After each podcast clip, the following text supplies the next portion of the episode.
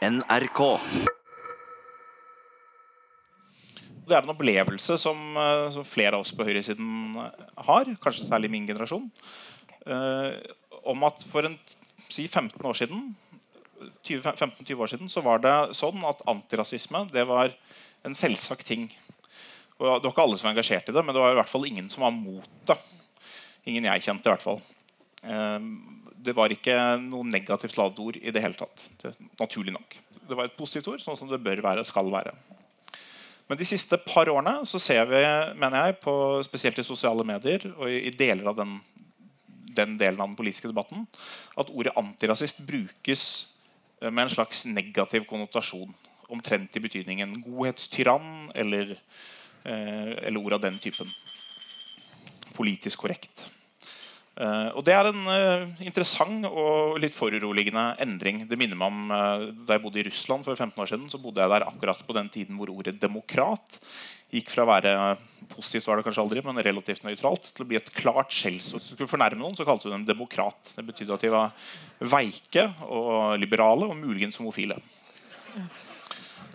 og så er spørsmålet hvorfor dette har skjedd med ordet antirasisme, eller kanskje om det har skjedd. Dette, dette, er et inntrykk noen av oss har hatt. Vi har ikke forsket på det.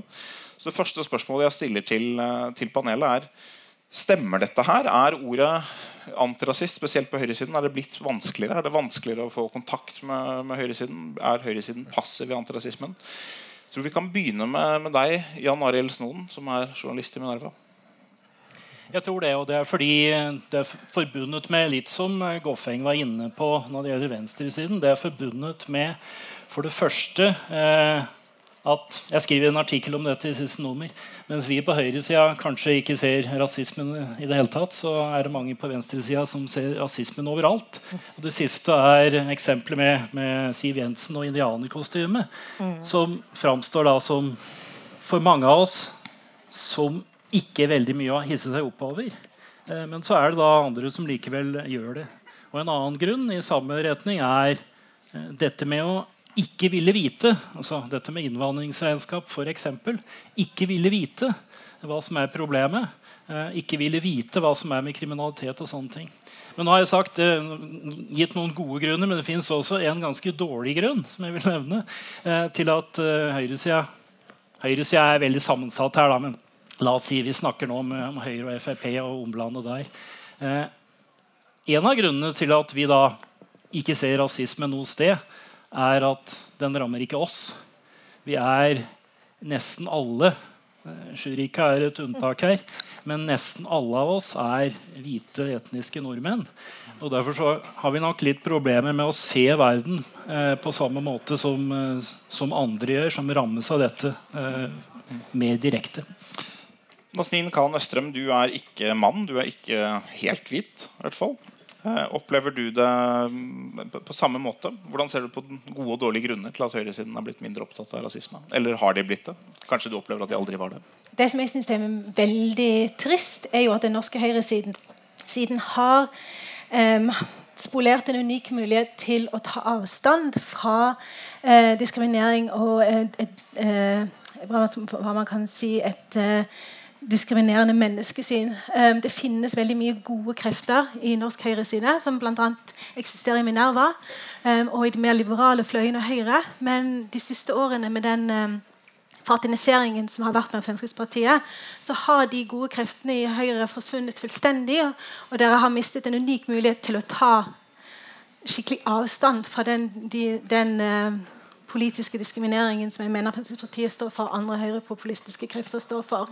Jeg synes Det er utrolig synd, fordi på den måten der så skyver dere vekk svært mange innvandrere som kunne hatt eh, stor glede og interesse av å være aktive på høyresiden og kanskje da kjempe for en, en annen form for økonomisk politikk som de kan gagne um, i, i det lengre sikt. Uh, og jeg syns det er veldig beklagelig at uh, at, at um, noen nå bringer fram den Siv Jensen-saken. Jeg håpet vi skulle slippe å diskutere den i kveld. Men for meg er det så åpenbart tydelig. Um, og igjen en unik sjanse for høyresiden å si at her må vi uh, sette foten ned. Her går det for langt. Det, det som Siv Jensen gjorde, uh, er internasjonalt helt hårreisende. Og den diskursen som har vært rundt, var, viser så tydelig at høyresiden i Norge var, virker å være helt frakoblet enhver internasjonal diskusjon om eh, identitet, om globalisering, om rasisme og strukturell eh, og, og, kolonialisme, som jeg syns er helt uh, rystende, og som jeg syns er veldig synd for høyresiden i Norge. At ikke de har utnyttet den sjansen. Vil du svare noe på det, Jan Arild, eller går vi videre? Jeg tror vi går videre. Hvis. Kan vi heller komme tilbake til det. Sjurika Hansen, nå får vi høre her at det å um, lefle, fraternisere med Fremskrittspartiet er en del av en måte, rasismeproblemet. Um, du har fraternisert med Sylvi Listhaug, skrevet en kronikk som taler positivt om henne. Hvordan opplever du det Nasin Østrem sier? Jeg skjønner ikke helt hvordan du plasserer meg til høyre. Altså, det har flere gjort. Jeg tilhører ikke høyre eller venstre. Og det er det som er rart. Jeg som innvandrerkvinne må kunne mene at innvandring kan ha sine negative sider. Islam kan ha sine negative sider uten at jeg blir plassert i den boksen. Ja, det stemmer at jeg har skrevet om Sylvi. Jeg har også hatt et ganske godt eh, respekt og forhold til Sylvi. Jeg møtte også henne i går, hadde en kjempelang time hyggelig samtale med henne om både integrering og parallellsamfunn og ukultur. Og jeg opplevde henne slik jeg alltid har trodd. Um, og når det gjelder den der høyresiden som jeg stadig blir plassert i, så må jeg bare si at eh, Sylvi har vært en person som har sagt ting på en måte som jeg har respektert veldig godt. Jeg tror ikke vi blir kvitt noen problemer ved å pakke dem. Og jeg begynner å bli så lei av dette ordet 'du er rasist' hver eneste gang noen begynner å gå tom for argumenter. Og det blir ikke bare brukt mot faktisk de ekte rasister, fordi jeg vet at det fins ekte rasister, og det er veldig trist at det fins ekte rasister. Men når noen går tom for argumenter, og de kaster dette ordet fra seg, så mister det innhold, det mister betydning, og vi beveger oss i et samfunn der vi er oss mot dem hele tiden. Og det begynner å bli ganske klart at du enten må tilhøre høyre eller venstre side. Du kan ikke være i midten. Du kan heller ikke ha egne meninger. Her er vi i midten om egen meninger forsøksvis i mhm. kveld. Uh, er, er, jeg tror vi nærmer oss nå det som er uh, en av problemstillingene her. og det er At man definerer og forstår rasisme ganske ulikt. Uh, og En ting er at man forstår selve begrepet ulikt. og En annen ting er at man forstår, forstår i ulik grad hva som er problematisk. La oss si, ta, ta denne indianerkostymet. Jeg syns det er selv er problematisk. Jeg har skrevet en post om det på, på Facebook. Jeg er usikker på om det er rasisme. Eh, Bl.a. fordi hvis man bruker det begrepet der, så vil man miste alle de som ikke tenker på det sånn. Altså kan, det går an å tenke på ting som uklokt og dumt uten at det er uh, rasisme. For eksempel. Men uh, du rakk opp hånden. Mm. Mm. Vil du kommentere det Shorika sa? ja, hvor skal jeg begynne? Um, altså vi, den tiraden vi nettopp har hørt nå, mener jeg på en måte er litt sånn symptomatisk litt sånn responsen fra høyresiden i møte med rasisme. Mm -hmm. Istedenfor å diskutere fenomen, konkret samfunnsproblem som vi både har forskning og rapporter på, så går man automatisk i type sånn offerstatus, som om stakkars oss, vi ble kalt rasister. For det første, ingen her har kalt dere rasister, som jeg har hørt hittil i hvert fall. Um, og det som er, er altså vi må klare å ta tak i rasisme som et strukturelt problem, og ikke henge oss opp i at de som ikke er ofre for rasisme, skal bekymre seg for å bli kalt rasist. La oss heller se på ofrene for rasisme. Det er den ene tingen. Eh, ting nummer to altså Greit nok. Eh, Sylvi Listhaug nå, Hun er vår integrerings- og innvandringsminister. Eller blir sikkert det. Vi får se. Um, og skulle her å ukritisk rose henne som en person som eh, både tar problemer på alvor, og som er en del av løsningen. Det syns jeg blir litt unyansert når dette her er samme personen som faktisk er en del av den prosessen med å normalisere. Rasistiske holdninger. Kan du utdype hvordan hun normaliserer ja, dem? Det kan, det kan, jeg godt gjøre. Jeg kan gi deg et konkret eksempel. Mm. I Norge viser vi ansiktet, mm. spiser gris og drikker alkohol. sånne type holdninger er faktisk med på å ikke bare fremmedgjøre såkalte nye landsmenn, men det er faktisk med på å skape et klima hvor du skal diskutere og sette folk opp imot hverandre. Da syns jeg du er veldig følsom, fordi vi spiser faktisk gris i Norge. Vi spiser jo gris i Norge, og vi viser ansiktet i Norge. Du kan jo ikke kalle akkurat det rasisme. I Norge så spiser vi gris. Vi er på russebuss. Eh, ungdommer har tilfeldig sex med andre. Det er faktisk sant. Du kan virkelig ikke si at det er med på å putte mennesker inn i en boks eller gjøre Sylvi til en rasist. Og det, der demonstrerer du poenget mitt. Der demonstrerer du poenget mitt med å putte faktisk slike ord til at det blir en del av rasisme. Og det er det som blir farlig. For hvis vi tar ordet rasisme, så betyr det at jeg mener at min rase er bedre enn annen rase. Ikke at noen sier at noen spiser gris. Så der må vi faktisk trekke oss tilbake og ta ordet tilbake. Ordet blir tømt for innhold. Det, det, er virkelig sant. Du kan ikke si at Sylvi eh, bagatelliserer rasisme ved at hun sier vi spiser gris. Det er jo sant, folk spiser jo gris i Norge. Hva er det som er galt med det, da? Sherika, det første Vi spiser faktisk det. Jan Arild først. Kort replikk. Kort replikk. Den var kort. Um, skal bare få kort replikk. Um, okay, Vi for det, spiser halal gris i Norge. Kort replikk, og så er det Jan for det første Rasisme eh, jeg har ikke, igjen, jeg har ikke kalt Sylvi Staug rasist. Jeg er ikke interessert i å stemple noen som rasist. Det er uinteressant. Uh, men jeg tenker på denne dynamikken fordi du må, For det første, du må forstå hva rasisme er. Det er en type prosess hvor du både generaliserer, gir folk essensielle egenskaper. Eh, rasebegrepet er ikke det sentrale her, men det er den prosessen med å skulle eh, generalisere mennesker. Og skulle da bedømme dem i lys av kultur og sette opp denne kunstige dikotomien mellom at hvis du, ikke, hvis du spiser, gjør de nevnte tingene, så er du norsk. Hvis du ikke gjør de nevnte tingene, så er du unorsk. Det er rart. Det fins vegetarianere. Det fins folk som er avholds. Ja. Hallo, liksom. Er det unorsk? Jan Arild. Jeg jeg syns ikke det heller ikke at dette er rasisme, men jeg er enig med Mori i at det som Sylvi Listhaug gjorde der, og også som har vært tidligere før valgkampen, dette med å definere norskheten på en sånn veldig gammelmodig og tilbakeskuende måte som virker ekskluderende, det er ikke gunstig. Altså, vi trenger en definisjon av norskhet i den grad vi trenger det, som er åpen, som gjør det mulig å slutte seg til eh, uten å overtale disse ytre uttrykkene. Og det var det da vi skulle få den, den debatten i valgkampen. Det fikk vi jo selvsagt ikke, for vi fikk en debatt om Sylvi Lysthaug.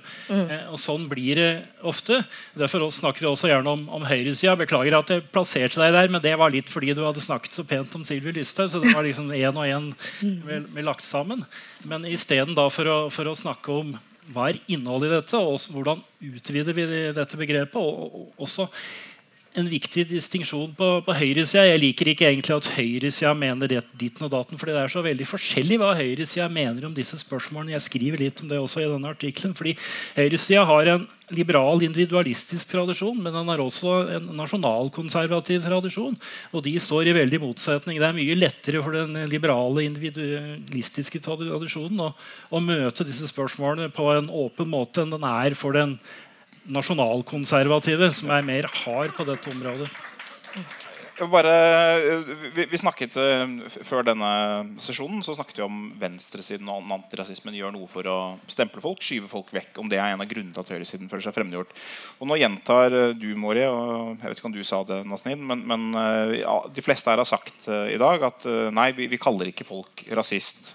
Du sa det også, kaller ikke Sylvi rasist. Men du sa hun bidrar til å bygge opp under rasistiske forestillinger. Omtrent. Det er ikke et ordet sitat, men omtrent noe sånt. Eh, og du sa noe veldig lignende Nasnin, om, om Fremskrittspartiet. Og, og det kan man selvfølgelig mene. Så det, ikke, det, det er ikke egentlig debatten her nå. Men jeg, omtrent halvparten av befolkningen mener at Sylvi Listhaug gjør en god jobb som uh, innvandrings- og integreringsminister. Uh, hvordan adresserer man det hvis det første man sier, er du kan ikke sitte her og forsvare Sylvi Listhaug. Og Sylvi Listhaug bidrar til å bygge opp rasisme. Eller høyresiden, høy, Høyre har uh, spilt fallitt for at man samarbeider med Frp. Ser dere at det er en veldig stor gruppe som går langt utover Frp, langt utover Sylvi Listhaug, som ikke deler den innfallsvinkelen? Altså, det er jo ikke noe problem å se at veldig mange nordmenn um, sitter med en genuin redsel for det samfunnet de, de lever i. Um, de baserer seg på en slags nostalgi som er veldig farlig som ideologi, og som, for, og, og som, og som er noe som man kan basere sitt politiske grunnsyn på. Um, men samtidig problemet med, med Sylvi Listhaug og den retorikken som Fremskrittspartiet benytter seg av, er at de stempler store grupper av mennesker som et problem eh, og som en fare for den imaginære norske nasjonen som de da skal beskytte.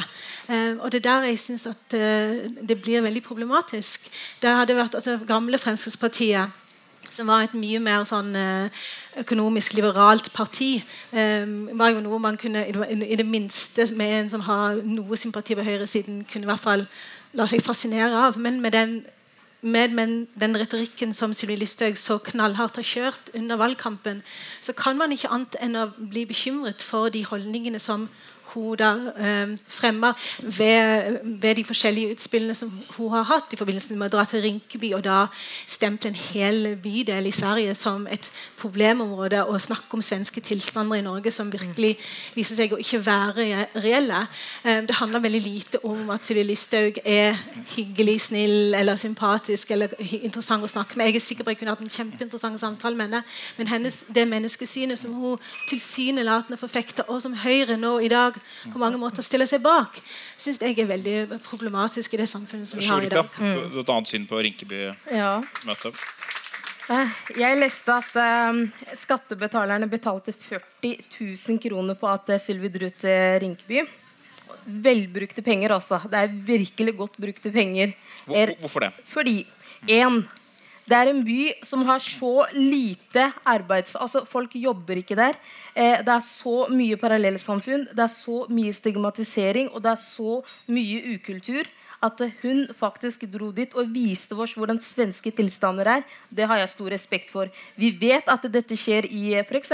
Grønland, der Fire eller seks av ti barn lever under fattigdom. Vi har Stovner-skoler med gjerder, vi har vakter, vi har vold, vi har æresvold, vi har æresdrap. Vi har slike ting i Norge. At Sylvi faktisk prøver å gå inn, plukke den der, ta ut den elefanten i rommet, det syns jeg er bra. Å klage på at hun faktisk drar til et problemområde og viser hva som skjer, det er det stor respekt av. Og jeg håper flere politikere klarer å ta ut den fingeren ut av ørene og så gå til de problemområdene og vise faktisk hva som skjer både i Norge og Sverige. Vi vet at det finnes svenske tilstander. Vi kan ikke legge lokk på ting og kalle det rasisme. Hver eneste handling er ikke rasisme. Sylvi fikk veldig mye respekt fra meg da hun sto mot han imamen, som står for både dødsstraff og å kaste homofile fra høye bygninger. Sylvi fikk også veldig Ja, han står for det.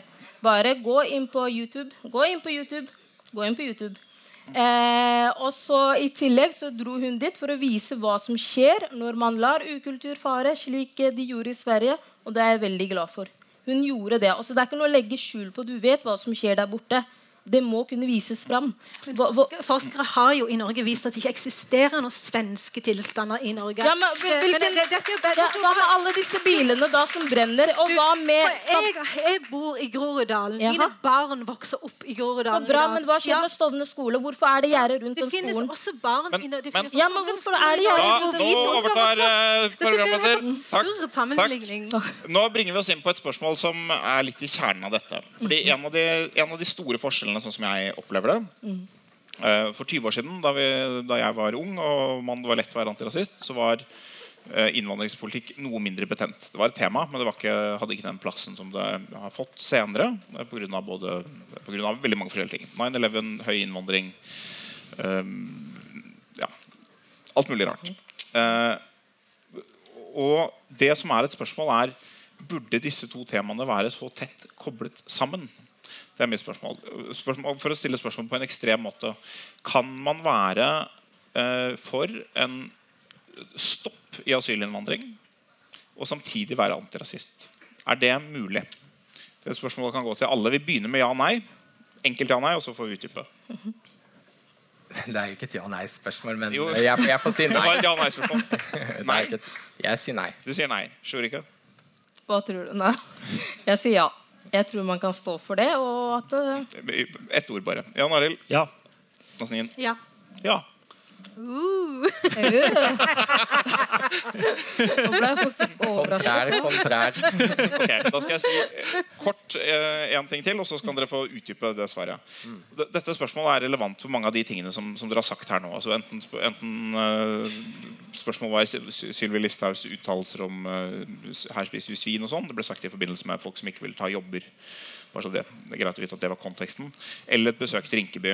Eh, eller som vi snakket om i en tidligere, tidligere segment her, at man lager innvandrerregnskap eller sier eh, dette utgjør et problem. Eller som du sa, Nasnin, at man blir nostalgisk. Eh, For jeg tror på høyresiden, altså En av grunnene til at det blir et sånt høyre-venstre-skille her Jan Arild var inne på det, at det finnes en, en mindre konservativ del av høyresiden som kanskje er mindre bekymret, eller, eller eventuelt bare bekymret for det økonomiske. Men det finnes en del som sier eh, rask demografisk endring utsetter samfunnet for betydelig press. Eh, det er store kostnader, og det er, det er naturlig. Det er naturlig at folk som kommer fra land langt borte uten språkkunnskaper, med en annen utdannelse, eh, ikke har de samme forutsetningene på arbeidsmarkedet. Dette er veldig dyrt. Det er ineffektiv måte å løse flyktningkrisen på. Dette er synspunkter som fins. Og jeg tror nok en del av oss som har de synspunktene, jeg har disse synspunktene eh, selv, vi opplever vel at det er det er en sånn tynn grense. Man blir kanskje ikke direkte kalt for å være rasist hele tiden. Men det er av typen ting som Hvis man, hvis man for eksempel sier vi, vi er nødt, det, er viktig å vite hva noe koster, sånn at vi kan vite hvordan vi skal prioritere pengene. Det er sånn Høyre-folk sier. Det er derfor vi blir rike. Tuller. Ja. Eh, det, det, det er sånn man sier. Ikke sant? Det er sånn vi gjør på mange andre felt. Vi må vite hvor mye koster dette tiltaket, og hva kunne vi ellers gjort med pengene. For eksempel? Kunne, kunne vi hjulpet mye flere flyktninger gjennom integreringstiltak i Brasil eller andre ting. Dette var ikke et seriøst forslag, men, man, men, men man, det er sånn man tenker. på det. Og så er spørsmålet eh, Hvis man sier den type ting, og så får man høre ved å si dette, så sier ikke at du er rasist, men du bygger opp under rasistiske forestillinger og essensialisering av grupper. Når man ikke selv opplever at man gjør det. Det kan oppleves litt vanskelig. Du, ser ut som du har noe å si, så da begynner vi med deg. Yes, Da får jeg utdype. Hvorfor svarte jeg nei? Um, egentlig burde jeg endre svaret til ja, fordi det spørs egentlig. Um, hvorfor jeg sa nei, er fordi en kjent tanke, bare den bruken av masseinnvandring og denne tanken om at uh, man ser på det som en trussel for det bestående og for det norske samfunnet, det bygger jo nettopp under en forestilling om at de andre eh, innvandrere, eh, flyktninger, asylsøkere En eh, si, konstruert fiende der ute i kraft av å være en del av de andre, representerer en kulturell bagasje, et sett med verdier som under ingen omstendigheter er forenlig eh, med det norske samfunnet, og som da representerer en trussel. Eh, hvis man har et sånn type bilde, hvor man da eh, nettopp er med på å skape det essensialiserte bildet av den andre, og være en, en trussel i kulturell forstand, så er, ser jeg visse utfordringer ved å være antirasist og ha et sånt bilde. Men hvis det da er økonomiske hensyn eller sosiale hensyn, slik du da utdypet i eksempelet ditt, så mener jeg at det er fullt mulig å skulle være antirasist, og da skulle være for en restriktiv innvandringspolitikk. Det er ikke en kontradiksjon i termer, sånn sett. Hadde du noe du måtte si der, Ann Arild, eller kan vi gå videre? Vi har ikke mye, veldig mye tid igjen. Jeg lurer på om vi skal avslutte med en utfordring. Vi begynner med Arild, og så kan de andre si noe. Hva kan høyresiden gjøre for å bli flinkere til å bekjempe antirasisme? Eh, nei Freudian slip. Bekjempe rasisme. Altså, altså, den andre grunnen til at vi tar opp dette, her er at uh, min opplevelse er at eh, fordi dette er blitt et eh, mer omstridt felt, så er høyresiden blitt dårligere til å snakke om rasisme. Eh, og litt som Jan Arild sier, Det er få innvandrere og få mørkhudede på høyresiden som gjør det at vi blir, mister det av syne. Hva kan vi gjøre for å bli bedre? 20 sekunder, Jan Arild. Altså, det banale vil jo da få flere venner som ikke er hvite. Men det, mer, eh, det viktigste, tror jeg, eh, og det er jo at det er denne individualistiske, liberale linjen på høyresida som må vinne over den konservative, nasjonalistiske. Jeg tror det er eh, målsettingen her er Nils August og jeg er litt uenige.